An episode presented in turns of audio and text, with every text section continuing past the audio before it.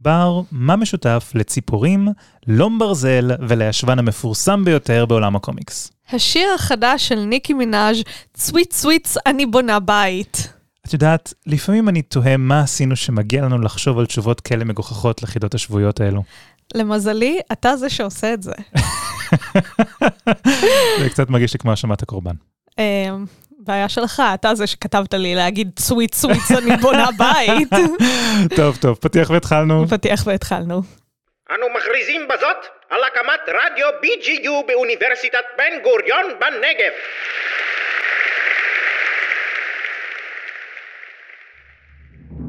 המאה ה-21 וסרטי קומיקס צצים בכל פינה.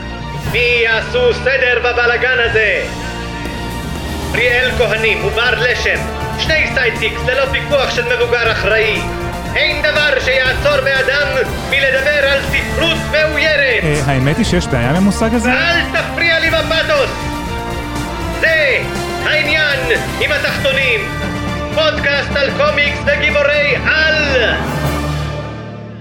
שלום בר. שלום פריאל, מה קורה? בסדר, מה נשמע? בסדר גמור. אז תגיד, אם לא על ניקי מנאז' כן. ולא על... בתכלס, אני לא בטוחה שהיא הישבן המפורסם ביותר בעולם הקומיקס, אבל מי כן הישבן? בגלל שאם אני חושבת על הישבנים המפורסמים ביותר בעולם הקומיקס, אז כן. כמובן, כאילו, קפטן אמריקה עולה לראש. כן, אבל אני. לא חושבת שעל זה נדבר היום, אז על מה אנחנו מדברים היום? את צודקת, אני ראיתי את הבדיחה של הישבן המפורסם ביותר בעולם אה, של אה, קפטן אמריקה ואמרתי, לא, לא, לא, לא, לא, לא, לא, לא.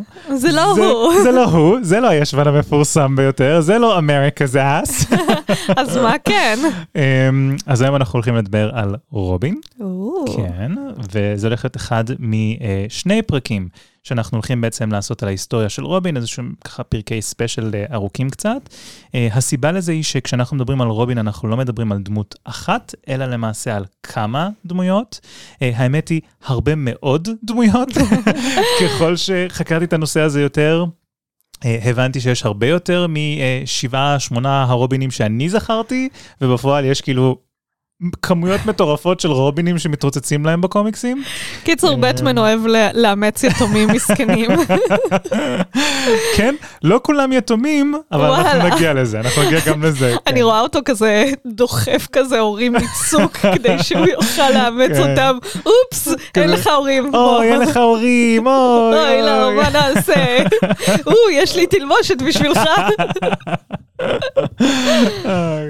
כן, אמ, כן אז היום אנחנו באמת הולכים לדבר אמ, היום ובפרק הבא אנחנו הולכים לדבר על אה, חמישה רובינים אה, מרכזיים, חמשת הרובינים הקנונים. אה, לפני שככה יקפצו עליי קצת בקבוצה או בכל מיני מקומות אחרים על זה שיש רובינים נוספים, כן, אנחנו יודעים שיש רובינים נוספים, אנחנו יודעים שיש גם רובינים קנונים נוספים, אה, אני אפילו טיפה אזכיר אותם אה, אה, מאוחר יותר, אה, יכול להיות גם בפרק הבא. אה, אבל מפאת הזמן וכמות ההיסטוריה שהיינו צריכים לסכם כאן, אה, החלטנו באמת להתמקד ספציפית בחמישה. רגע, ולמה דווקא החמישה האלה? כאילו, אתה רוצה להציג אותם ואז להגיד למה דווקא בחרת בהם? אה, אז אני חושב שהחמישה האלה הם, הם אה, הכי חשובים או הכי גדולים, גם בגלל שיש להם את ההיסטוריה הכי גדולה, וגם בגלל שהתפקיד שלהם כרובין באמת היה תפקיד משמעותי, שיצר משהו חשוב בעלילה הכוללת גם של בטמן, אבל גם של הדמויות האלו. אה, שוב, אה, סתם, לצורך העניין, אני יודע שנגיד ג'ארו, ג'ארו הוא אה, איזשהו חייזר, אה, ראית במקרה את The Suicide Squad של ג'יימס כן. גן? את זוכרת את סטארו, הכוכב ים הענק ההוא? לא. הוא היה הווילן בסוף? נראה לי, בכל מקרה, אז אולי, סטארו. כן. אז ג'ארו הוא כאילו חלק מסטארו שגודל במבחנה כזה, גידלו אותו במבחנה או משהו, ובשלב מסוים הוא הופך להיות רובין. זה מאוד מצחיק, זה משעשע, היו שם כמה קטעים נהדרים. הוא לא נכלל ברשימה הזאת, עם כל הכבוד. לג'ארו. עכשיו בא לי. אמ, תגיד, יש לי שאלה. חוץ כן. מלהיות, טוב, אנחנו נדבר קצת על מי הוא רובין וכל הדברים האלה, אבל האם יש קומיקסים stand alone לרובין, או שהוא תמיד יבוא עם בטמן? Uh, בהחלט יש. כרובין, אמ, לא כדמויות אחרות. כרובין, כרובין. אמ, היו כל מיני סדרות כאלה במהלך השנים. אה, הכי אחרונה שאני זוכר היא אה, של דמיאן ויין, שזה בעצם הבן של ברוס, כי אנחנו נדבר עליו עוד בהמשך. Um, אבל אני חושב, אם אני לא טועה, שגם דיק גרייסון היה לו במקור כותר רובין משלו. אני mm. חושב, אני שם ככה כוכבית קטנטונת למעלה, אה, כי אני כמעט בטוח שהוא היה הראשון שבאמת קיבל אה, כותר משלו. אה, אפילו הייתה תקופה שהייתה ממש אה, אה, סדרה שלמה, אני חושב שנקרא We are Robin או רובינס או משהו בסגנון הזה, שפשוט הייתה סוג של מלא נערים בגות'ם, אה, שלוקחים על עצמם את ה title הזה של רובין כדי באמת אה, להביא סדר או whatever. אז הקונספט הזה של להיות רובין הוא משהו שבאמת התחיל כאילו ממשהו יחסית מצועצע, או איזשהו ניסיון ככה לחפש קהל צעיר יותר, והתפתח כיום לממש תנועה חברתית בתוך הקומיקסים של DC, אה, של נערים ונערות שבאמת רוצים לייצג את מה שרובין מייצג, או by אה, proxy את מה שבטמן מייצג. יש לי עוד שאלה. כן. אני שואלת את כל השאלות, אולי אתה תענה על זה. אבל בעצם ב-DCU אנחנו מקבלים איזה אזכור קטן לרובין. האם לפי דעתך הוא ייכנס באיזשהו שלב, למרות שאנחנו יודעים שעכשיו DCU קצת אה, עושים לנו בעיות, ולמה הוא לא נכנס באופן חד משמעי עד כה? כן, אז אנחנו נדבר עליו באמת אה, קצת יותר מאוחר, אה, לקראת סוף הפרק הזה, כי הרובין שאנחנו מקבלים רמיזה אליו אה, ב-DCEU הוא סוג של שילוב של שני רובינים. Mm. Um, וזק סניידר גם דיבר על זה קצת, אני חושב שהם קצת עשו שם בלאגן, באיזשהו מקום אני שמח מאוד שזה לא יצא לפועל, מה התוכנית שהייתה לסניידר בהקשר הזה, ואני מאוד מקווה שגם ככה זה יישאר. זאת אומרת, אני לא רוצה לראות אותם הולכים לכיוון הזה עדיין, כי אני חושב שזה זה לא נכון. אבל היי, תראה, ב-MCU פתאום עכשיו יש מלא ילדים שנכנסים כמו שאתה אוהב, אבל אה, אז אולי גם כאן פשוט כן. יעשו סרט עם כל הרובינים, למרות שזה יכול להיות מגניב. כן, תשמעי, אני חושב שבאופן כללי הרובינים הם, הם דמויות באמת מאוד מעניינות, כל אחת מהן גם מאוד שונה מהשנייה, למרות שבהתחלה יש קצת אה, טשטוש ביניהם, אנחנו נגיע לזה. אה, ואני הייתי שמח מאוד לראות את האינטראקציות שלהם אה, גם בקולנוע, פשוט תעשו את זה נכון. בואו רגע ניקח נשימה, נ, נעשה קודם כל את ליגת הצדק כמו שצריך, אולי נחזור לסרט נוסף לסופרמן שהיה לו סרט אחד בלבד בעשר השנים האחרונות, ואז נדבר הלאה. אוקיי, okay, אז שאלה נוספת? כן. מי הוא רובין? אוקיי, אמ, אז לפני שאנחנו... שאלה קלילה. לפני שאנחנו צוללים באמת למי הוא רובין, חשוב להגיד שאנחנו באמת הולכים לדבר על חמישה רובינים גדולים אה, אה, בפרקים האלה, דיק גרייסון, ג'ייסון טוד, טים דרייק, סטפני בראון ודמיאן ויין. אה, חשוב לי גם להגיד שרצינו במקור לכלול גם את קרי קלי ברשימה הזאת, מאחר והיא הייתה רובין האישה הראשונה, והיא רובין מאוד משמעותית בקומיקסים, אבל היא גם לא קנונית, וגם אין לנו מספיק זמן כדי באמת לחקור את ההיסטוריה הספציפית שלה. אז אנחנו נצטרך לשמור אותה לפרק אחר. ורק שאלה כללית, כשאתה מדבר על קנוניות, מה זה אומר? אמ, בהקשר הזה. אז תחשבו על זה בערך, ככה אני מנסה ל- ל- להפוך את זה להכי נגיש שיש, זה כמו לצורך העניין לדבר על ההבדל בין, אה, המולטי, בין היוניברס של ה-MCU שאנחנו מכירים, לבין גרסאות מולטיברס אחרות של הדמויות האלה. לצורך העניין, קפטן אמריקה בסדרה What If, זה קפטן אמריקה אחרת ממה שאנחנו מכירים, או קפטן אמריקה אחרת ממה שאנחנו מכירים. אה, יש גרסאות שונות שלו גם שם. אבל הדמויות שאנחנו רואים ב-MCU, ביוניברס המאוד ספציפי שבו אנחנו נמצאים, נחשבות כדמויות קנוניות. Mm. אה, אז גם בקומיקסים מן הסתם זה קיים. בקומיקסים זה מורכב יותר, כי אנחנו מדברים פה על היסטוריה של 80 שנה, ויש הרבה מאוד ריבוטים וכל מיני רימייקים ושינויים אה, רטרואקטיביים לקנוניות.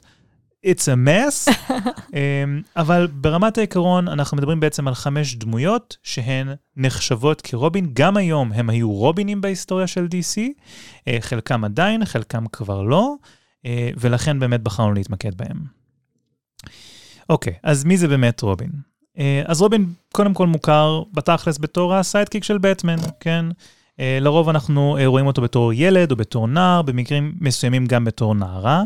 אה, הוא בדרך כלל או יתום או עם קשיים כלשהם עם ההורים שלו, בדרך כלל לבוש בחליפה צבעי אדום, ירוק, צהוב, עם גרסאות מאוחרות יותר שבאמת משלבות קצת יותר שחור בעיצוב הזה. והוא תמיד יהיה עם תחתונים? זה תמיד אוי, לא זו הייתי... שאלה טובה. תראה, הפודקאסט שלנו, אנחנו צריכים להזכיר את המילה תחתונים מדי פעם. בבקשה. אז מה העניין עם התחתונים? אה, אז כן, אז רובין הראשון באמת מופיע עם תחתונים.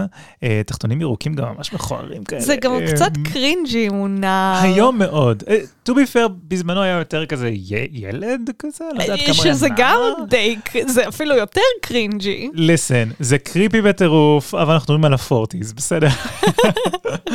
אמ, באמת אולי זה segue טוב לזה שרובין באמת הופיע לראשונה בדטקטיב קומיקס, הסדרה של המובילה של בטמן, שלרבות הימים גם הפכה ל- לשם החברה, DC, כן, דטקטיב קומיקס.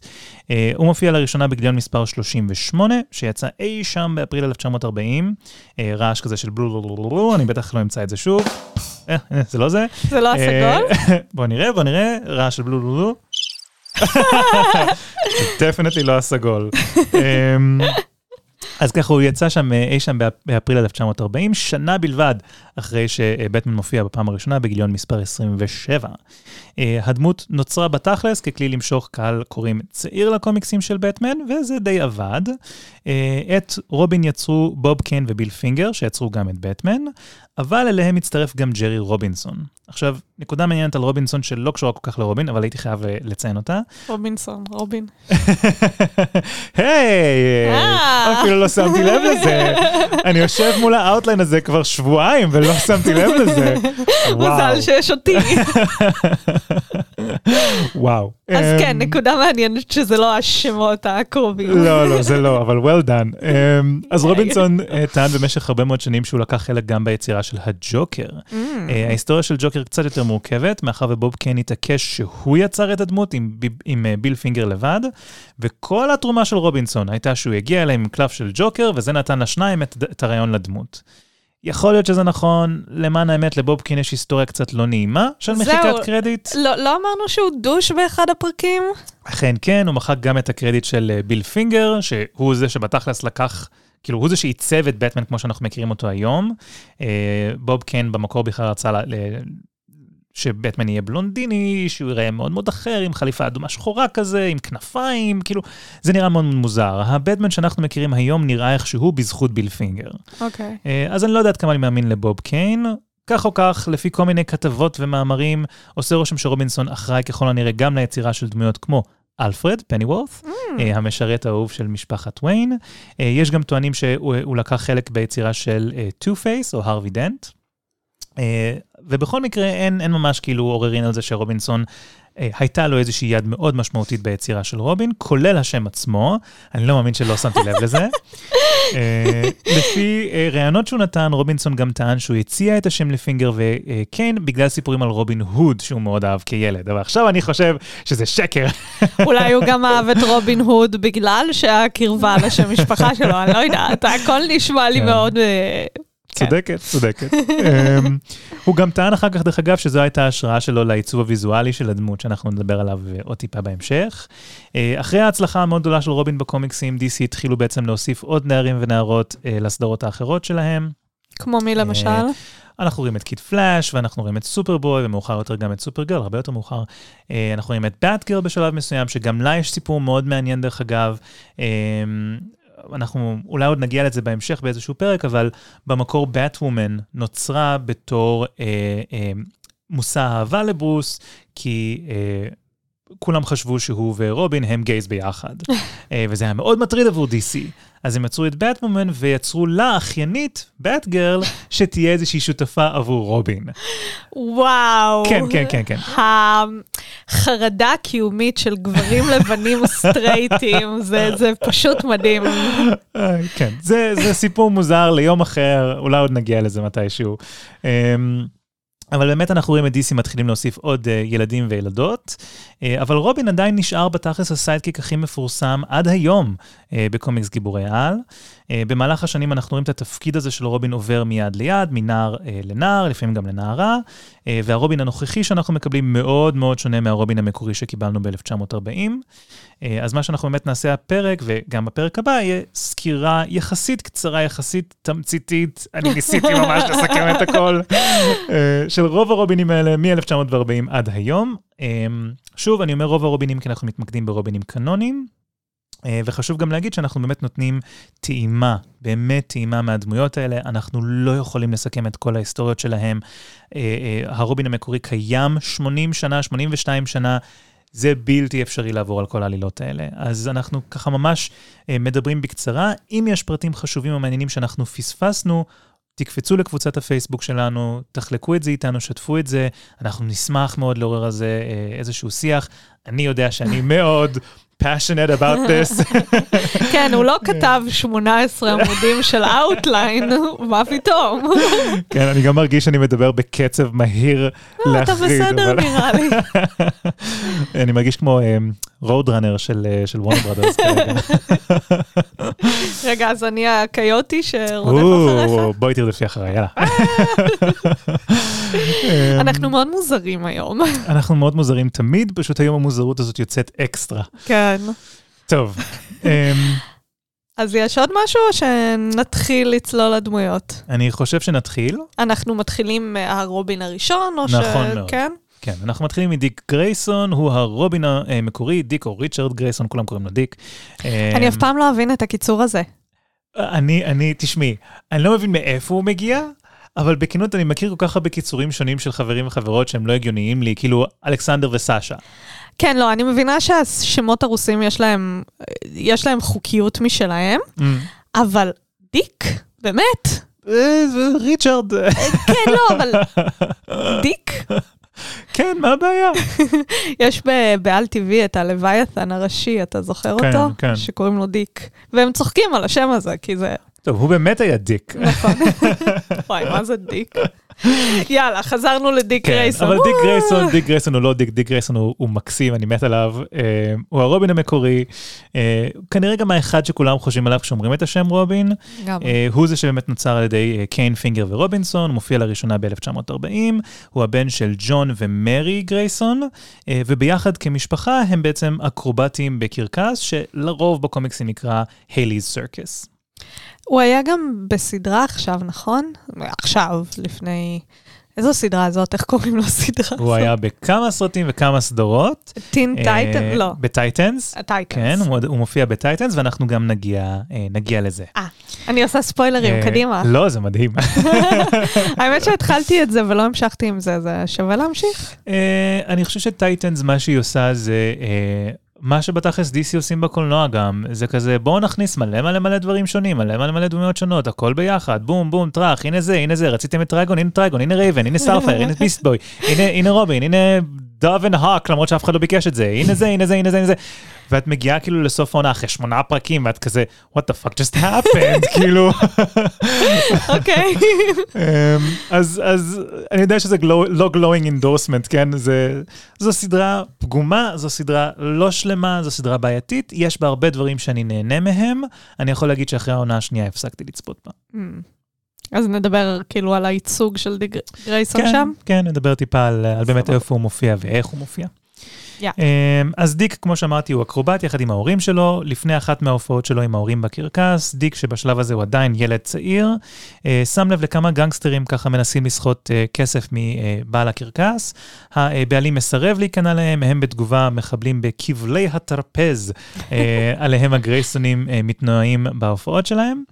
אה, כתוצאה מזה, באמת בהופעה בכבלים האלה אה, אה, נקרעים, וההורים של דיק אה, נופלים לאדמה ומתים. וואי וואי. בטמן שם בקהל, הוא רואה את זה, ברוס שם בקהל, הוא רואה את זה.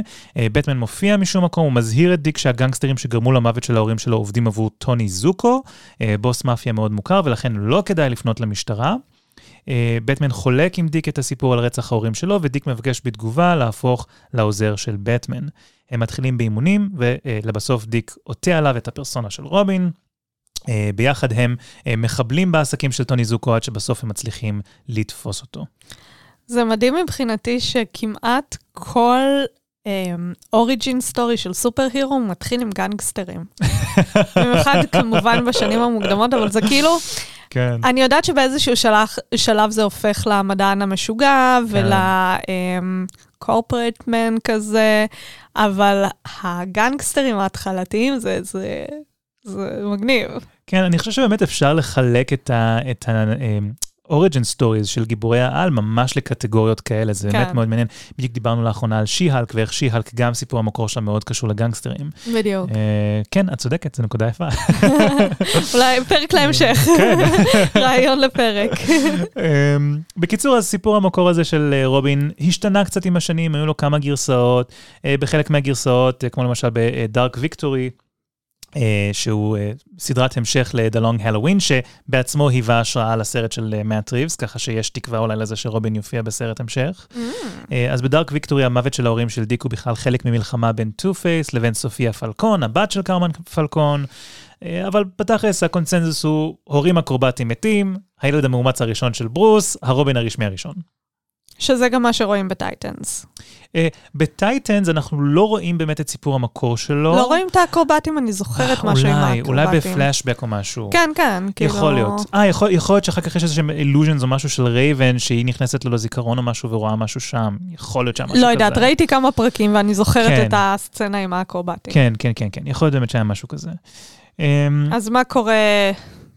מה קורה עם הדמות שלו בהמשך? אז באמת במהלך אה, שנות ה-40-50, רובין נהיה מאוד מאוד מאוד פופולרי, הוא לוקח חלק מרכזי כמעט בכל עלילת אה, בטמן אפשרית. אה, כתוצאה מזה, בטמן ורובין מקבלים את הכינוי המפורסם The Dynamic Duo, וזה כמעט בלתי אפשרי לראות אותם פועלים בנפרד. אה, במקביל לפופולריות של רובין מובילה את DC בעשורים האלה ליצור מספר סיידקיקים, אז אנחנו רואים את קיד פלאש ווונדר גרל ואקוולד וספידי, שהוא ה sidekick של גרין ארו, למרות שזה אמור להיות ה sidekick של קיד פלאש, של פלאש, זה מאוד מוזר, זה שם מאוד מבלבל. אה, ובאמת, אה, ריבוי ה sidekick הזה הוא, הוא באמת דבר שהוא מאוד חשוב, כי מאוחר יותר, באמצע שנות ה-60, הוא מוביל בעצם להקמה אה, של גרסה מאוד מוקדמת של ה Teen Titans, אה, שכוללת באמת את כל הדמויות האלה, כשבראשן כמובן רובין. אה, בערך באותה התקופה, לקראת סוף הש- של שנות ה-60, מצטרפים שני יוצרים חדשים לסדרה של בטמן, דניס אוניל וניל אדמס, שניהם נפטרו לאחרונה דרך אגב, אדמס ממש באפריל האחרון. מה קורה? זה מכה, זה מכה מטורפת. ממש, כן, כן. כאילו, מ-2020 אנחנו במין כזה... כן, מעין uh, טלטלה מטורפת של מלא יוצרים ויוצרות ש... שהולכים, לעול- בעיקר יוצרים שהולכים לעולמם. Um, בכל מקרה, אז, אז דניס אוניל וניל אדמס מחליטים למשוך את בטמן לשורשים היותר אפלים שלו, מה שבעצם משאיר את החינניות הצבעונית של רובין uh, מחוץ לתמונה, וכתוצאה אנחנו באמת רואים את דיק פחות uh, בקומיקסים של בטמן, פתאום הוא בכלל הולך ללמוד באוניברסיטה, uh, לא יודע, עושה כל מיני דברים אחרים, ועם זאת אנחנו עדיין רואים אותו בקומיקסים של Teen Titans, עד שב-1978 הקבוצה מתפרקת, כשהם מבינים שהם כולם בשנות ה-20 שלהם, והם כבר לא כל כך teens, והם מחליטים להתפצל ולחיות חיים רגילים. בסדר, ממש, ממש. רגע, אני הייתי בלחץ, מה? ממש. אז DC צחקה בפנים של הדמויות האלה ואמרה להם, נראה לכם, ב-1980 DC מכריזה על הרכב חדש ל Teen Titans, אה, שהופך בתכלס להרכב הכי מפורסם של הקבוצה, אנחנו גם דיברנו על זה בעידן הברונזה. Uh, הסדרה uh, מתחילה עם צוות דמויות יחסית דומה למה שראינו בעבר, רובין וונדר גרל וקיד פלאש, uh, אבל היוצרים של הסדרה, מארב וולפמן וג'ורג' פרז, גם הוא נפטר לאחרונה, במאי uh, 22. Uh, מהר מאוד מוסיפים לצוות החדש את ביסט בוי, רייבן, סייבורג וסטארפייר, כשכמובן דיק גרייסון מפקד על כולם. הסדרה הופכת מהר מאוד לאחת הסדרות הפופולריות ביותר של DC באותה תקופה, וכנראה גם עד היום. דיק, מצידו, אה, נהנה מאוד אה, להנהיג את הצוות בתור רובין, עד שיש לו איזה שהם חיכוכים עם בטמן, שמובילים אה, לקרע די רציני בין שניהם, ואז הנרטיב של גרייסון משתנה מאוד, בצורה מאוד משמעותית מכאן והלאה. עכשיו, הסיבה לקרע קצת מורכבת, וכדי להסביר אותה אנחנו צריכים טיפה אה, אה, לתת קצת קונטקסט, אולי קצת לחזור לפרקים שלנו על עידן הברונזה ועידן המודרני. אה, אי שם בתפר בין שני העדלים האלו, DC משחררת סדרה בשם Crisis on Infinite Earths, אה, שבה המולטיברס של DC עומד בסכנה. בסוף הסדרה הזאת, המציאות הנרטיבית של הדמויות של DC משתנה, ככה שאירועים שקרו לפני הסדרה משוכתבים בצורה קצת שונה אחריה. זו הסיבה שרבים מהמעריצים והחוקרים של DC בדרך כלל מבחינים בין שתי תקופות עיקריות בהיסטוריה של החברה של DC, pre-crisis ו post-crisis. שממש אנחנו רואים איזשהו מהפך. כן, אנחנו רואים מהפך גם בגלל שההיסטוריה של הדמויות האלה פתאום ממש משתנה. דמויות שהתנהגו בצורה מסוימת לפני זה, מתנהגות בצורה אחרת. מה שחשבנו שהיה נכון וקנוני לפני, הוא כבר לא קנוני אחרי. DC ממש משכתבת את ההיסטוריה של חלק מהדמויות. אה, אז איך זה באמת קשור לדיק? Uh, הסיבה שהוא וברוס נפרדים pre-crisis, היא שלדיק סתם פשוט נמאס לו להיות העוזר של בטמן. לגיטימי. Uh, כן, הוא מתבגר, הוא רוצה לגלות את הזהות שלו בעצמו, uh, הוא נזכר ככה באיזושהי הרפתקה שהייתה לו ולבטמן, הם ביקרו באיזושהי עיר קריפטונית uh, בשם קנדור, סיפור ארוך, פעם אחרת. Uh, שם הם למדו על uh, גיבור קריפטוני בשם נייטווינג. או. כן, אז דיק מחליט בעצם לקחת השראה מהגיבור הזה, מאמץ את השם והופך רשמית לגיבור הכי חתיך של DC. כל כך חתיך למען האמת, אה, שמאז הוא הופך לנייטווינג. אה, סליחה, כל כך חתיך למען האמת. שמאז שהוא הפך לנייטווינג, DC בעצם מדגישים את הפיזיקליות של גרייסון והופכים אותו לאובייקט מיני כמעט בכל יצירה שבה הוא נמצא. יש תמונה ממש מפורסמת שאני מאוד אוהב, שרואים ככה את כל הגרסאות השונות של וונדר וומן, והיא כזה עומדת באמצע ככה, עם הידיים על המותניים, כולן נראות כזה מאוד חזקות, מעניינות, זה, whatever. ואז יש אה, פוסטר דומה של נייטווינג, שניהם פוסטרים רשמיים ש-DC שחררו, mind you, אה, ורואים כאילו את כל הגרסאות השונות של נייטווינג מאז שהוא היה רובין, ואז הגרסה המרכזית הוא אה, עם הגב ל, ל, כאילו לצופה, והתחת שלו בולט שם ככה מאחוריו. זה מאוד ידוע, מאוד ידוע שהתחת של אה, דיק גרייסון זה התחת הכי מפורסם. אני די בטוחה ששלחת לי מתישהו את התמונה הזאת. זה נשמע מנס... כמוני. לא, כאילו, כי אני, יש לי vision של זה בראש. אמ, אבל אני לא מוצאת את זה עכשיו, אני... אנחנו מתכתבים יותר מדי. אני גם יודע ששלחתי לך פעם תמונה, היה קאבר ממש לאחרונה שהיה איזשהו, DC עשו איזשהו קטע עם swimsuit אה, covers כזה. שכל הדמויות היו כן, בבגדי כן, ים. כן, כן, כן. וזה היה, הוא היה כמו pinup או משהו כזה. הוא היה ממש כמו pinup, כאילו ברמה של הפרצוף שלו נראה כזה כל כך מוזר, זה... זה היה מאוד קריפי, זה היה ממש קריפי. אני לא חושבת שזו דרך טובה לנסות ולטשטש את ה... הטונים ההומואירוטיים. אה. זו נקודה מאוד טובה, גברת, אה, בגלל שגרייסון הוא גם מאוד מפורסם בקרב הקהילה הגאה. אה, הוא די אייקון להט"בי, למרות שהוא לא גיי. אז למה הוא אייקון להט"בי? גם בגלל שהוא ally, אני מניח, אבל גם בגלל שהוא fucking stunning. כן. He is. כן. אנחנו מדברים כמובן על הגרסה המאוחרת יותר שלו, כאשר הוא לא ילד. אמרתי נייטווינג, נייטווינג. נייטווינג, כן. אמ, אז אם אנחנו באמת ככה אה, מדברים טיפה יותר על אה, דיק, אמ, אולי ניכנס קצת לתחפושת שלו.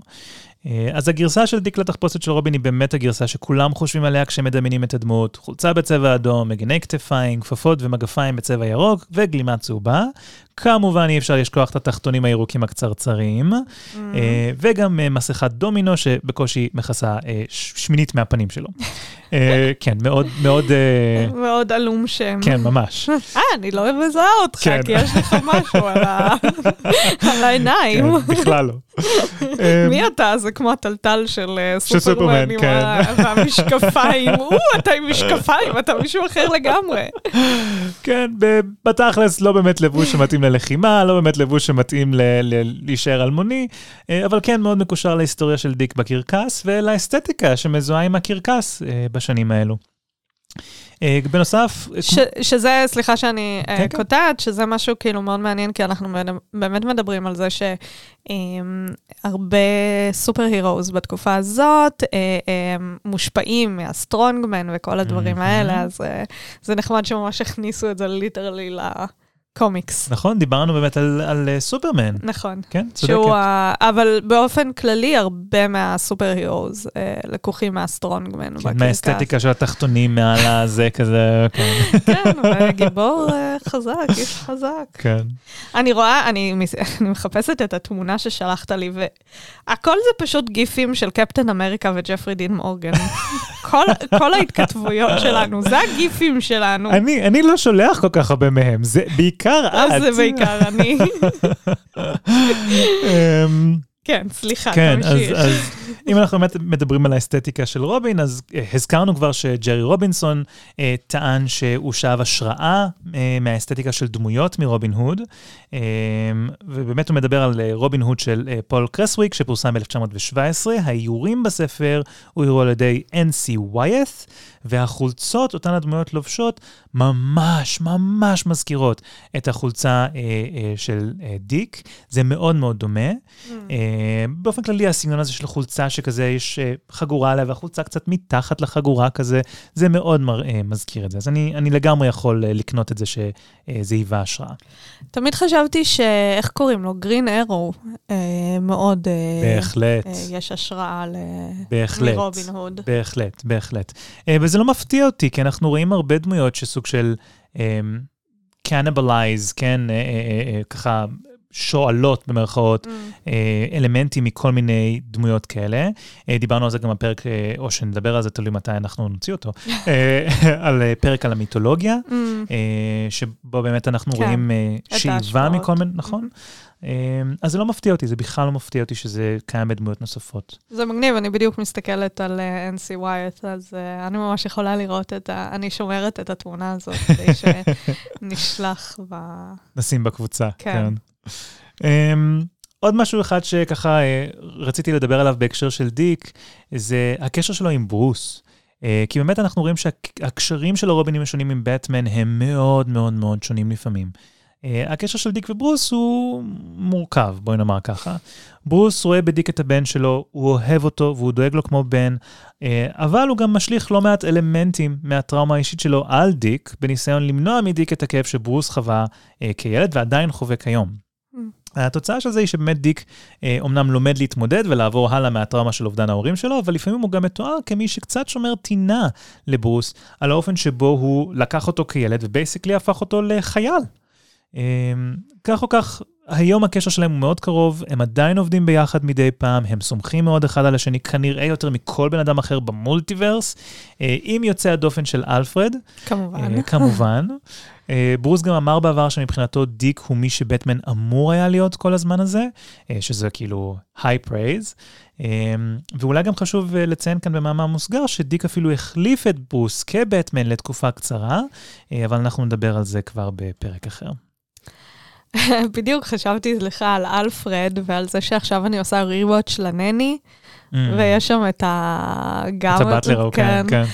וזה כל כך, כאילו, אני יכולה לדמיין את אלפרד כזה ססי כזה. אמ, אז כן, אז, אז הקשרים של דיק, גם עם בטמן, גם עם אלפרד, הם מאוד מאוד טובים. אה, ובנוסף, גם אולי, אולי שווה להגיד שדיק הוא כנראה הדמות הכי חברותית ב-DC, נקודה. הוא מכיר basically את כולם, כי הוא גדל עם בטמן, אז יצא לו להסתובב ליד סופרמן, וונדרמן, פלאש, כל הדמויות האלה. אה, יש לו תקשורת מאוד בריאה עם כל הדמויות האחרות שהוא מכיר בעולם הזה, כי הוא בעצמו בן אדם מאוד קליל ונעים וככה... חביב, אה, ובנוסף הוא גם נמצא במעין איזושהי נקודת ביניים מבחינת גילאים, בין הדור הוותיק יותר של ליגת הצדק, לדור הצעיר יותר של הילדות שעכשיו מתרוצצים ב-DC. ממ. אז הוא גם סוג של גשר בין הקבוצות האלה, ואז הוא נכנס או מתאים גם לסיפורים של ליגת הצדק, אבל גם לסיפורים של טין טייטנס, שבהם הוא בדרך כלל או אה, מורה, או מנהיג, או מדריך, או משהו בסגנון. זה מעניין שאתה אומר את זה, כאילו זה, זה נותן לי כזה שתי מחשבות עיקריות. המחשבה הראשונה זה שאולי, תקן אותי אם אני טועה, בטייטנס הוא לא כזה חביב ונחמד וזה, הוא מאוד אפל ו- וממורמר. כן, במיוחד בהתחלה אנחנו רואים אותו באמת אה, אה, מאוד מריר, אה, בין היתר בגלל הקשר שלו עם ברוס. Mm. אה, שם אנחנו רואים שממש כזה נכנסים לאיזשהו ריב או משהו, וזו הסיבה שהוא עוזב. אה, אני חושב שהוא יחסית נחמד לאחרים. Uh, הקשר שלו עם רייבן לצורך העניין הוא קשר שהוא באמת מאוד uh, חביב, אבל זה לא, זה לא רובין כמו שאני מכיר אותו. זאת אומרת, mm. הרובין שאני מכיר יותר זה נגיד הרובין מהסדרה המצוירת של טין טייטנס, mm-hmm. ששם הוא באמת מאוד אמפתי והוא גם מנהיג מאוד אכפתי. הוא כן רציני, הוא כן מחלק פקודות כשצריך, אבל הוא, הוא אפילו גם קצת אפל, אבל זה אפלוליות מאוד כזה... אני מנסה להיות בטמן, אבל אני לא יכול להיות בטמן. כן, כי אני נחמד מדי. יש משהו חינני שם, בדיוק, כן. אה, כן, והדבר השני באמת שחשבתי עליו זה, היכולת המרשימה מאוד לפתח דמות על פני 80 שנה, כן. כאילו, ולשמור על איזשהו צבע לא רק כ superhero, אלא כבן אדם, זה... כן. אני שמח שאת אומרת את זה, כי נייטווינג, אה, דיק גרייסון, הוא הדמות האהובה עליי בקומיקסים, בכלל, ever.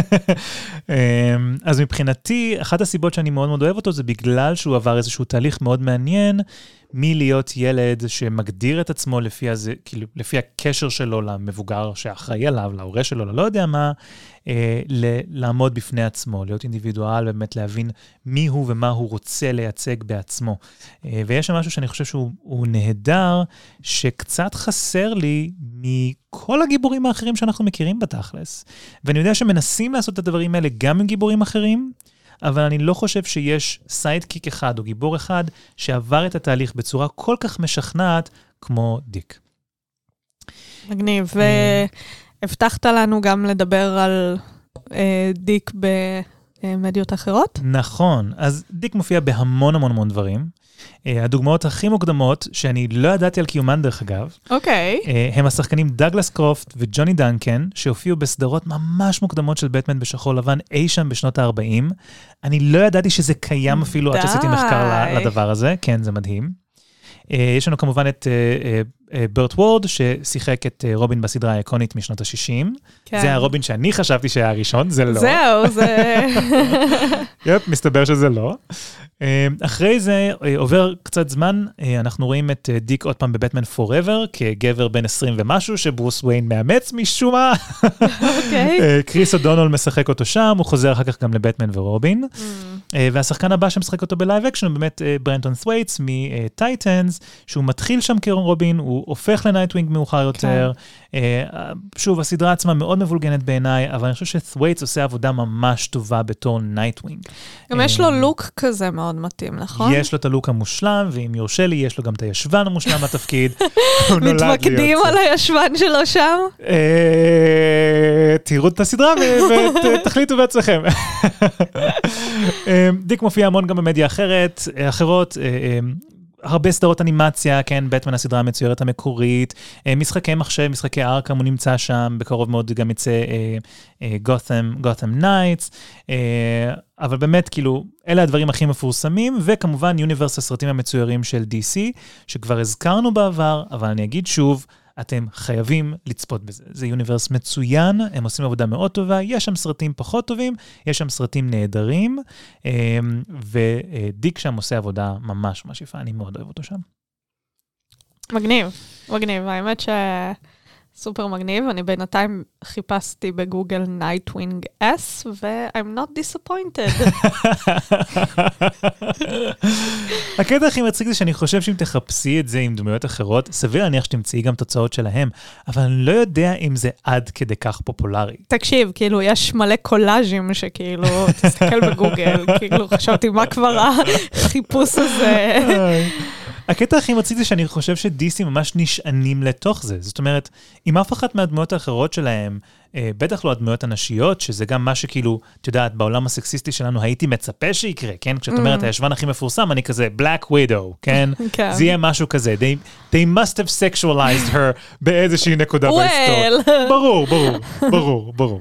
כן, אבל- אבל יש... אה, לא, אבל הקטע גם עם הקפטן אמריקה, אני תוהה אם ה-America's Ass זה כאילו גם משהו שמופיע בקומיקסים, או שזה רק בסרט איזשהו running gag, כאילו? זו שאלה טובה. אני, אני לא קראתי את זה אי פעם בקומיקסים, אבל אני מודה שאני פחות קורא מארוול. אה, באמת? אנחנו לא אני יודעים יודע, את זה. כולם חושבים שאני מארוול hater, אני כל כך לא מארוול hater, כמה כסף אני שם על הסרטים שלהם. אבל... אה, זהו, זה, כאילו העולם הדיכוטומי הזה, כן. שחייבים לבחור, DC או מרוויל, סטאר טרק או סטאר וורס, לא יודעת, אני אוהבת הכל, תנו לי, תנו לי תוכן. well done. slow clap. אז תגיד, כאילו, אנחנו, אני מניחה שעכשיו נדבר על זה כאילו קצת בהמשך, אבל um, בעצם רובין מק- מקבל פרסונה super hero משלו בתור נייטווינג. נכון מאוד. האם היו עוד רובינים שקיבלו פרסונה סופר הירואית משלהם? בהחלט. אה, וזה מעניין שאת אומרת את זה, כי הרובין הבא מקבל על עצמו פרסונה שהיא מורכבת ומאוד בעייתית. אה, אנחנו נגיע לזה עוד שנייה. אה, אבל ככה אנחנו באמת צריכים להתחיל מזה ש... דיברנו על זה שדיק עוזב את בטמן כדי באמת להפוך להיות גיבור משלו. ג'ייסון טוד נוצר במטרה המובהקת מאוד להחליף את דיק כרובין החדש של בטמן אחרי שדיק עוזב. אה, ג'ייסון מופיע לראשונה בקומיקסים במרץ 1983, וגם כאן ההיסטוריה תלויה מעט בהגדרות של pre-Crisis ו post-Crisis. אז pre uh, Crisis לג'ייסון יש סיפור מקור זהה לחלוטין לזה של דיק. לחלוטין. למה? קרקס, הורים אקרובטיים שנרצחים הפעם על ידי קילר קרוק, נבל עם מחלת עור שגורמת לו להיראות ככה כמו קרוקודיל, וברוס שמאמץ אותו. כאן יש לג'ייסון שיער אדמוני שהוא צובע לשחור כדי להיראות דומה לרובין המקורי כשהוא בחליפה. וואי, זה, okay. אוקיי? זה creepy מאוד. מאוד מאוד creepy. גם העובדה ש-DC חשבו שזה הגיוני לספר בדיוק את אותו הסיפור. כאילו, מה, על מה חשבתם? על מה חשבתם? Um, כן, אז זה pre-Crisis. למזלנו, שנתיים אחרי זה, post-Crisis, הסיפור הזה uh, משתנה, והוא הופך להיות הנרטיב ההרבה יותר מעניין. post-Crisis, ג'ייסון הוא uh, ילד יתום שחי ברחוב.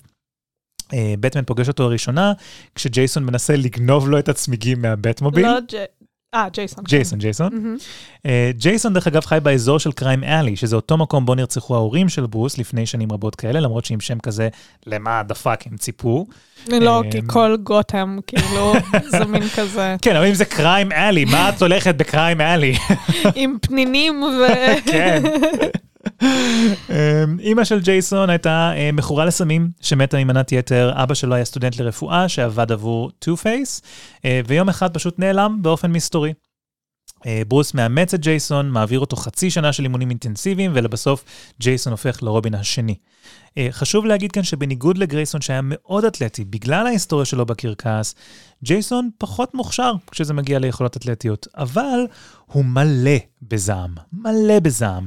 וברוס מאמין באותו שלב שהוא יכול להפוך, הזעם הזה יכול להפוך לכלי מאוד מאוד טוב בלחימה בפושעים, שזה כמובן לא מפתיע, בהתחשב בעובדה שגם ברוס מתחיל את המסע שלו כבטמן, כבן אדם נקמן ומלא בזעם. אז אם אנחנו מדברים על נייטווינג, uh, uh, על דיק בעצם, שהיה מין דמות כזאת מאוד חביבה, ודברים כאלה, פתאום אנחנו רואים כאן uh, רובין חדש וממורמר. נכון, נכון. ו... אז במקום הרובין הקליל והחביב, והלא יודע מה, אנחנו רואים פה פתאום רובין מרדן. הוא חוצפן, הוא אלים, הוא משתמש בכוח מופרז על הפושעים שהוא רודף אותם, הוא מעשן והוא מקלל והוא מתעצבן על דמויות סמכות, והוא גם מתעלם מההוראות של בטמן הרבה פעמים. קיצור, זה כאילו, אני לא רוצה להגיד את זה, אבל, אבל קחי את הארס השכונתי, שאת חושבת שאת יכולה להפוך אותו ללוחם בפשע, וזה יעלה לו לראש, והוא ינצל את זה בכל צורה אפשרית כדי לפוצץ לפושעים על את הצורה. וואי וואי. כן, בהחלט. Uh, יש עכשיו גם כמה רמיזות uh, לאורך שנות ה-80 לזה שטוד אולי גם אחראי למוות של כמה פושעים. למשל, uh, כשיש איזשהו אנס סדרתי ש... פליפה גרזונס, משהו כזה, הוא מצליח להתחמק מעונש בגלל חסינות דיפלומטית. ג'ייסון מתעמת איתו על גג בניין של 22 קומות. בטמן מגיע לזירה בדיוק כשפליפה נופל למוות uh, מגג הבניין, וכל uh, מה שג'ייסון אומר בתגובה זה, I guess I spooked him, he slipped. שזה כמובן משהו שאומרים כשאנחנו אה, אה, חפי פשע לחלוטין. ברור. He slipped. ברור. אה, אבל וואלה, נשמע שמגיע לו גם. כאילו, אני, אני בעד אה, ג'ייסון ו... אה, תשמעי, אני, אני מסכים שמגיע לו עונש, אני לא יודע אם זה האחריות של אה, ג'ייסון להחליט למי מגיע עונש ואיזה עונש מגיע לו. אה, ובאמת מדברים על הדיסוננס הזה, נגיד, כאילו, כי הרבה פעמים מדברים שבהתחלה בטמן לא הורג ודברים נכון כאלה, אז. הדיסוננס הזה כאילו מורגש בעלילות האלה. בהחלט, בהחלט.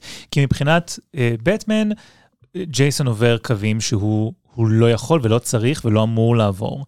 אה, וזה כמובן מייצר מתח, אנחנו גם אה, נגיע לזה קצת יותר כשנדבר על הקשר ביניהם. Mm. אה, אז הסיפור הכי מפורסם של ג'ייסון טוד הוא כנראה A Death in the Family משנת 1988, סיפור מצוין. אנחנו גם טיפה, טיפה הזכרנו אותו בפרק החידון שלנו, פרק חידון הקומיקס שלנו. אז ב-Death in the Family, ג'ייסון מגלה שאימו המתה היא לא באמת האימא הביולוגית שלו, Mm. ויוצא לחפש את האימא הביולוגית הזאת. החיפוש הזה כולל המון פרטים עליל- עלילתיים הזויים. למשל, בטמן ורובין מסכלים פיגוע גרעיני בתל אביב וחוקרים סוכני מוסד. מה יש להם עם ישראל? ישראל? Why are you obsessed with us? אין לי מושג.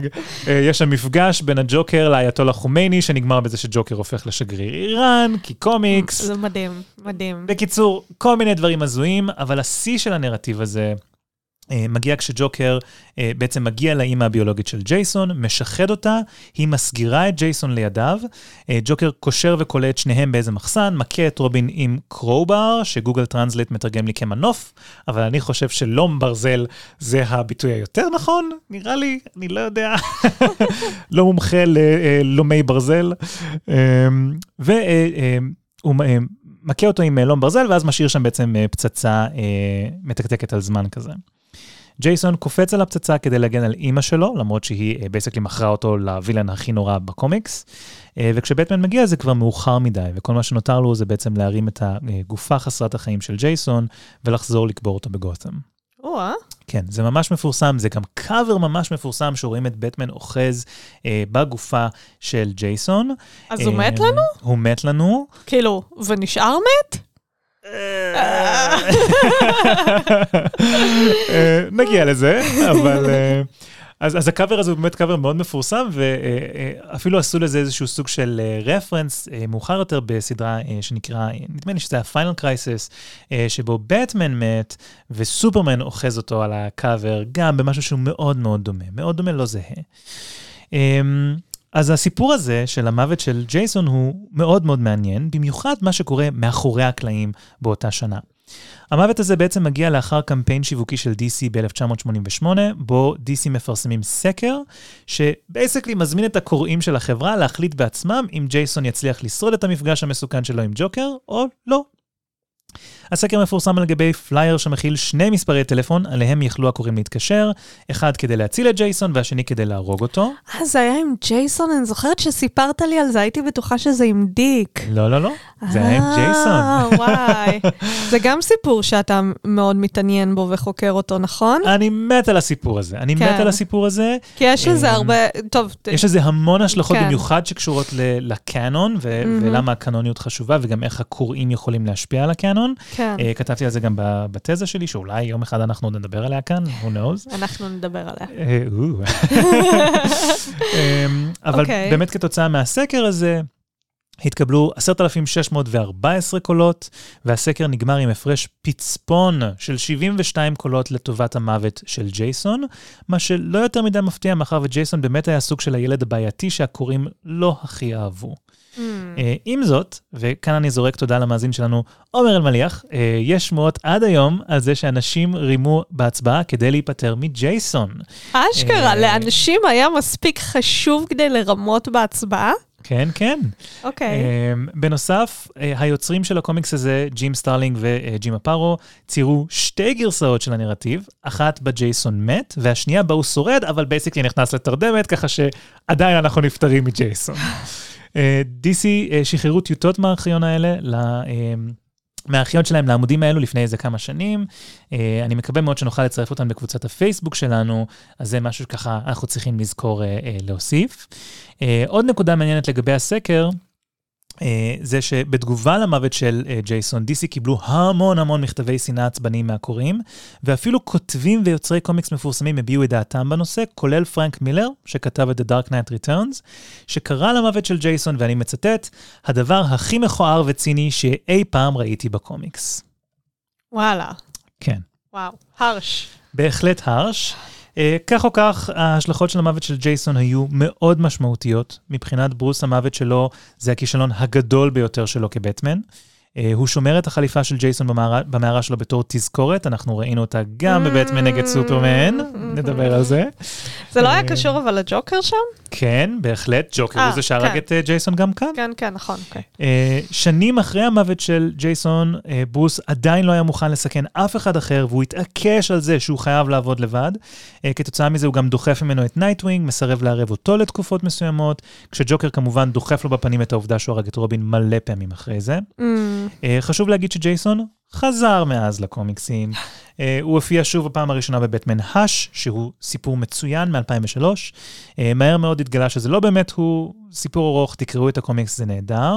בפעם הבאה הוא מופיע ב-2005 בסיפור Under the Red Hood, שבעצם מגלה שג'ייסון חזר מהמתים. איך הוא חזר מהמתים? אה, אני תוהה אם לספיילר את זה או לא, אני ממש תוהה. טוב, תספיילר לי אחר כך. טוב, בסדר. אני לא אספיילר, אבל נטו בגלל שיש סרט אנימציה שנקרא Batman Under the Red Hood, שהוא סרט מצוין, מצוין, מצוין. הוא עשוי מאוד מאוד מאוד מאוד טוב. הוא מסכם לא מעט ממה שדיברנו כאן על ההיסטוריה של ג'ייסון, אה, כולל את החזרה הדרמטית שלו. אה, הוא חוזר בתור... ספק anti-hero, ספק villain, הוא קורא לעצמו Red Hood, והגישה שלו למיגור הפשע זה basically, אנחנו צריכים להרוג את כל הפושעים. כן. אה, נקודה אחת אחרונה לגבי ג'ייסון. ב-2011 DC החליטו לשנות רטרואקטיבית את ה origin story שלו פעם נוספת מאיזושהי סיבה מוזרה. Mm. Uh, הפעם בטמן תופס אותו גונב תרופות מרופאה בגות'ם בשם לסלי טומפקינס, יש לה היסטוריה מאוד ארוכה איתו, לא רלוונטי. Uh, בנוסף, DC הוסיפו, הוסיפו איזשהו סיפור רקע לפיו ג'וקר בכלל תמרן חלק מהאירועים המרכזיים בחיים של טוד, כמו המוות של אימא שלו ואפילו האימוץ שלו על ידי בטמן. וואי. אני לא אוהב את הסיפור הזה, אני לא אוהב את זה. Uh, כי אני חושב שזה לוקח הרבה מהאג'נסי של, של uh, ג'ייסון, ואני חושב mm, שזה כן. זה קצת הורס את מישהו ומשהו. כן, זה כאילו... Um, בסדר. טוב, הוא בהחלט שונה מדיק. כן, כן. אני תוהה, בטח נדבר על זה בתחפושת, אבל כאילו אתה אומר שהוא חוזר בתור איזשהו אנטי גיבור, ו- כן. Can't help but notice ש... די דומה לדדפול. אני תוהה, לא, כי גם דדפול מתחיל בתור האנטי גיבור כזה, אז אני כאילו, לא יודעת, אני תוהה כאן, מה קורה כאן. Um, יש הבדלים גדולים מאוד ביניהם. זה נכון שכשג'ייסון חוזר הוא לובש באמת אה, מסכה אדומה. Um, אבל אני חושב ששם בתכלס הדמיון ביניהם נגמר. Mm. אני חושב שגם דדפול הוא אולי באמת יותר אנטי-הירו, יותר קליל, שובב, חצוף, לא יודע מה. גם, גם ג'ייסון הוא חצוף, אבל הוא חצוף בקטע מאוד אגרסיבי. זאת אומרת, כן. אם, אם הוא רואה לצורך העניין אנס סדרתי, הוא אפילו לא מחכה למשפט, כאילו כדור בראש וזה נגמר. כן. שכאילו, שוב, זה, זה, זה צדק מסוג מסוים. אה, לא יודע אם אני מסכים עם הצדק הזה בהכרח, אה, אבל זה בהחלט צדק מסוג מסוים, והוא ממש מסבך, או, או הופך את, ה, את הרעיון של צדק בקומיקסים של DC לקצת יותר מורכב. כאילו, זה, זה מעניין, כי כאילו מצד אחד באמת יש לנו דמות מאוד מאוד בעייתית, יש לה בעיה עם סמכויות, אבל בסופו של דבר הלב שלו במקום הנכון. נכון. גם אם הביצוע הוא לא, הלב שלו כאילו... נכון. גם אם הוא וילן או, או כאילו, אם, גם אם אנחנו רואים את התמרון הזה של הג'וקר, ו- ואני מניחה שהתמרון הזה בא כדי לנסות כאילו להפוך אותו לאיזשהו וילן, כן. הוא לא בדיוק וילן, אמנם הוא עושה את זה בדרך מאוד עקומה, אבל כאמור, הלב שלו במקום הנכון, כי כן. הוא עושה את זה בשביל הטוב. כן, אני מסכים. אני חושב שבסופו של יום, אחת הסיבות שקשה לי לגמרי לקרוא לו וילן, זה בגלל שבאמת... הכוונה שלו היא כוונה טובה. הוא באמת מנסה להפוך את העולם לעולם טוב יותר, אה, וזו הסיבה שהרבה מאוד פעמים, שוב, הוא באמת מתואר בתור מעין אנטי-הירו מאשר וילן פרופר. Mm. אמ, התחפושת שלו, דרך אגב, כרובין, היא מאוד דומה לתחפושת של דיק. אה, בשלב מאוחר יותר הוא מתואר עם מכנס ארוך בצבע ירוק. הגיע הזמן. כן, כן. לפעמים, לפעמים בצבע אדום, לפעמים בצבע שחור. בכל מקרה זה בדרך כלל ארוך במקום קצר כמו של דיק. כן. הקשר שלו עם ברוס הוא קשר מאוד מאוד נפיץ ומורכב. אם הקשר של דיק וברוס מורכב, אז, אז ג'ייסון וברוס basically חייבים טיפול, כאילו, דחוף. כן, זה כאילו שתי דיוות מאוד גדולות עם clashing, כאילו, ביניהם. ממש, והמון טינה והמון אה, רגשות אשמה. אה, אז, אז באמת ככה מעבר לעובדה שעבור ברוס המוות של ג'ייסון הוא הכישלון הגדול ביותר שלו, אה, גם ג'ייסון כמובן שומר לו טינה על זה, או לפחות שמר לו טינה במשך לא מעט זמן, מה שכמובן מקשה על היחסים ביניהם, כשברור שג'ייסון מבחינתו הוא כאילו, הג'וקר fucking הרג אותי, איך לא הרגת אותו? איך דקה אחרי זה לא תפסת אותו וחנקת אותו למוות. Mm. Uh, וזה כמובן מאוד מאוד מכביד על הקשר ביניהם, כי מבחינת ג'ייסון זו, זו בגידה אמיתית uh, בו ו, ובקשר שהיה להם. כן, כי, כי זה כאילו איך שהוא מבין צדק. נכון, נכון. Mm-hmm. בנוסף, יש להם גם כמובן חוסר הסכמות בנוגע לצדק, כן? כן. בטמן לא מוכן להרוג, ג'ייסון במיוחד אחרי החזרה שלו מהמיתים, הוא מסתובב עם אקדחים שלופים, הוא הורג פושעים על ימין ושמאל, זה לא מה שאכפת לו. Uh, חשוב להגיד שהקשר שלהם מאז החזרה שלו חווה עליות ומורדות. Uh, לפעמים הקשר שלהם הוא מאוד מתוח, לפעמים הם מצליחים לעבוד ביחד. כך או כך, בעיניי אין ספק שהם אוהבים אחד את השני, אה, גם אם הם מאוד מאוכזבים אחד מהשני. אה, ברוס אמר בעבר על ג'ייסון שהוא מוכן ומסוגל לעשות את מה שבטמן לא יכול לעשות, ברגעים בהם העולם צריך פעולות מהסוג הזה. Mm. אז זה מרגיש לי שגם ברוס מכיר בזה שלמרות שיש פה קו אדום שהוא לא מוכן לחצות, יכול להיות שג'ייסון משרת את העולם לטובה, גם דרך הפעולות שלו, שלפעמים הן כנראה נחוצות. מעניין. כן. Um, אנחנו רואים את ג'ייסון במדיות אחרות, כאילו. כי באמת, כאילו, כמו שאמרת בהתחלה, אנחנו חושבים על רובין, אנחנו חושבים על דיק גרייסון. נכון. אז ג'ייסון הוא דמות ממש מעניינת בהקשר הזה, בגלל שהוא עצמו לא מופיע בהרבה יצירות, אבל הסיפור שלו משולב Mm, המון המון פעמים בנרטיבים של רובינים אחרים.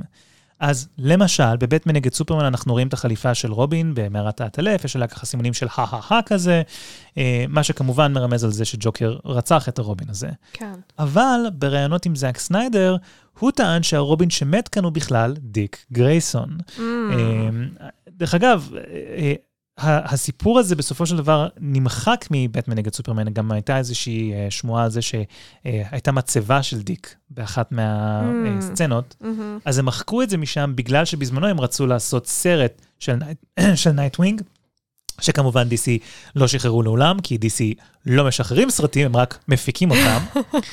אמ, יופי, DC. כן, אבל uh, זה באמת uh, דוגמה לסימפטום הזה שיש ל-DC הרבה מאוד פעמים לדלג על ג'ייסון כדמות ופשוט לקחת אלמנטים מהנרטיב שלו ולהדביק אותם על רובינים אחרים.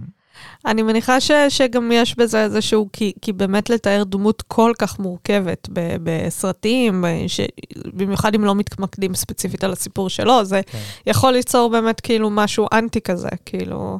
כן, יכול להיות. אני חושב שחבל כי, כי הסיפור של ג'ייסון מעניין לא רק בגלל ג'ייסון, אלא גם בגלל ההשלכות של המוות שלו כן. על הבטמן, אה, ואני חושב שחבל שהם לא עושים עם זה קצת יותר.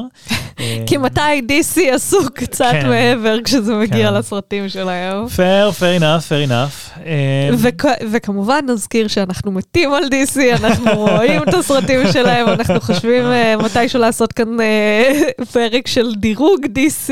נראה, נראה. זה פרק, זה פרק של שלוש דקות כזה, יש לנו שלושה סרטים, כן. לא ה-DCU, אבל כן, כן. בוא מההתחלה. המאוד extended, כן. כן. אה, חשוב עדיין להגיד שג'ייסון כן מופיע אה, בתפקיד מאוד משמעותי אפילו בסדרת טייטנס. מי שמשחק איתו שם הוא אה, קרן וולטרס. אני חושב שהוא עושה עבודה די טובה בתור ג'ייסון הנער המעצבן, בכנות. אה, למרות שבשלבים מסוימים אני ממש גלגלתי עיניים על דברים מסוימים שהוא עשה ואמר. אה, אני יודע שבעונה החדשה הוא גם מופיע בתור רד הוד שם, אבל לא צפיתי בעונה הזאת, ומהתמונות שראיתי אני חושב שהוא נראה כל כך מטופש בחליפה הזאת, שאני גם לא ממש רוצה לראות את זה. סורי.